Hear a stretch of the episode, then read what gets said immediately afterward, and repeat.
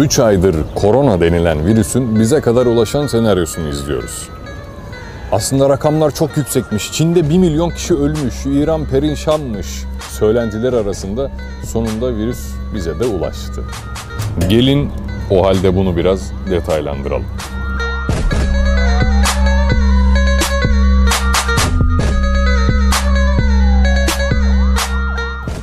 Farkında değilsiniz ama aslında 3 aydır size efsane bir iletişimle PR yapılıyor ve hastalık da biyolojik olmaktan çok viral etkisiyle konuşuluyor.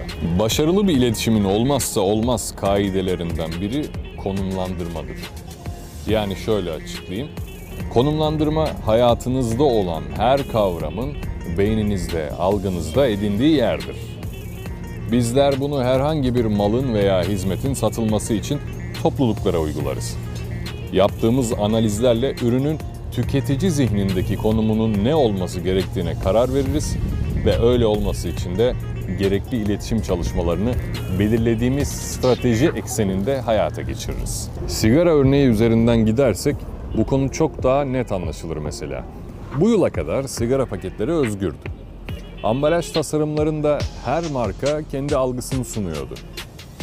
M harfiyle başlayan meşhur sigara markası zenginlik ve refah seviyesi göstergesiydi diyebiliriz. Mesela P harfiyle başlayan diğer aynı fiyattaki sigaranın algısı ise klaslıktı. Godfather filminde Marlon Brando'nun içtiği sigara C harfiyle başlayan sarı renkli sigaraydı ve bu sebepten dolayı onu içen bir sürü insan vardı. Yani zihinlerde belli kavramlarla eşleşmeye çalışırdı markalar. Sigara denince akla ilk gelen marka M harfiyle başlayandır. Çocuk bile bunu bilir. Bu marka sigara kavramının akıllardaki merdiveninde ilk basamaktadır. Değişmesi çok zordur. Çünkü uzun yıllar tek bir strateji üzerine iletişim yapmışlardır. Paketin üzerindeki renk seçimleri, kullanılan tipografi yani fontlar, grafik tasarımlar bu algıların oluşması için hizmet veriyordu. Şimdi tüm sigara ambalajları siyaha döndü. Markalar bu çalışmadan mahrum kaldı ve birçok insan sırf bu sebepten dolayı sigarayı bıraktı ya da içtiği sigara hoşuna gitmemeye başladı, rahatsız oldu. Neden biliyor musunuz? Çünkü algılarındaki eşleşme gerçekleşemiyor. İnsanlar satın aldıkları malların çoğunu bu konumlandırma için alırlar. Dolayısıyla eşleşme gerçekleşemedi ve kavram boşluğa düştü. Bu durum bilseniz bile karşı konulamaz bir sonuçla zihninize baskı yapar. İşte koronada yaşatılan tam olarak da buydu. Uzmanların gripten çok da farkı yok açıklamalarına rağmen yapılan konumlandırma zihninize öyle bir baskı uyguluyor ki kendinizi yine de maske takarken ya da dezenfektan kullanırken buluyorsunuz. Bugüne kadar koronadan ölen sayısı 4000 civarı. Bu öyle büyük bir rakam falan değil. Sadece 2015'te 1.3 milyon insan ishalden ölmüş. 5 yaşından önce her yıl 500 bin civarında çocuk ishalden hayatını kaybediyor.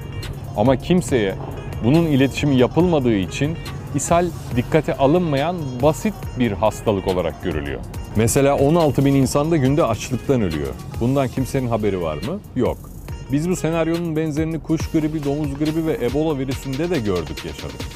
Ama koronanın iletişimi bunların hepsinden daha fazla yapıldı ve ne ile eşlendi? Maskeyle, karantina kıyafetleriyle. Şu an kontrol altına alınmış sadece bir vaka olmasına rağmen 11 Mart sabahına uyanan vatandaşlarımız öyle bir hisse kapıldı ki her gün bindikleri metrobüs o gün koronanın evi olmuştu. Her yer bakteri doluydu ve pisti. Maskeler takılmaya başlanmıştı. Oysa uzmanlar maskenin hiçbir işe yaramayacağını söylemişti. Yani şu maskeyle metrobüse bindiğinde kenarlardan soluduğun hava metrobüsün dışından mı geliyor? Bu kadar saçma. Bu maske ancak senden dışarıyı bir ölçüde belki koruyabilir. Açıklamalar yapılıp yayınlanmaya başladı. Koronadan nasıl korunuruz? Cevap, ellerinizi sık sık yıkayarak. Yani her gün yapman gereken hareketi söylüyordu aslında ama öyle büyütüldü ki sanki bulunmaz bir panzehir bulundu da açıklanıyor. Ama karşı koyamıyorsunuz işte. Çünkü algı denilen güç böyle bir şey. size ertesi gün sürekli yaşadığınız tüm şehri pislik içinde hissettirebilir. Maske aldırır size, dezenfektan kullandırır. Otobüste tutacakları eldivenle tutturur. Yarın öbür gün aşısız çıkar, vurulursunuz. Farklı bir önleyici çıkar, alırsınız, alacaksınız. Abdullah Çiftçi Hoca'nın iddiası insanlara bu sebeple biyolojik çip takacakları yönünde. Çok mu ütopik? Belki şimdilik ama mümkün. Bunu şu an bilemiyoruz. Yani değerli kardeşlerim, bu virüsün viral etkisi, biyolojik etkisinin milyonlarca kat büyüklüğünde. Sadece şununla 3 ayda gerçekleşen olaylara bakın. Çin'in ihracatı durma noktasına geldi. İnsanlar evlerine hapsedildi. Turizm çok büyük bir kırılma yaşıyor, yaşayacak. Medikal ürünler sektörü patlama halinde. 5 liralık maske 50 lira oldu. İnsanlar marketleri yine talan etti. Makarna depoladı. Be hey kardeşim, o duruma gelsek aldığın 5 paket makarna mı seni kurtaracak? Zaten bitmiş oluruz öyle bir durumda. Sen evinde makarna mı pişireceksin? Vesselam teknoloji çağı viral bir virüsle deneniyor. Tüm dünyanın teknoloji ve iletişimle kontrol edilebileceği tezi gerçekleşiyor. Önleminizi alın ama kendinizi de fazla kaptırmayın. İnsanın eceli, öleceği yaşı, kaderi mutlaktır, değişmez. O zaman hepiniz bu aleme hoş geldiniz.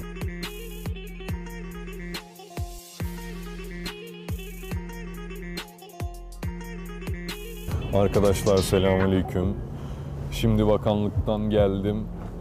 Ee, bu korona işi bayağı ciddileşmiş. Bize bildirildiği gibi değilmiş. Rakamlar çok büyük ve önlem almamız gerekiyor. Ee, tavsiye edilen şu hemen süpermarkete gidip fiyonk makarna e, depolanması yönünde. Kesinlikle kuskus veya burgu veya penne asla, spagetti asla e, besin değerleri açısından kesinlikle fiyonk makarna almamız gerekiyormuş arkadaşlar. Bir an önce marketlere koşturalım ve fiyonk makarnalar bitmeden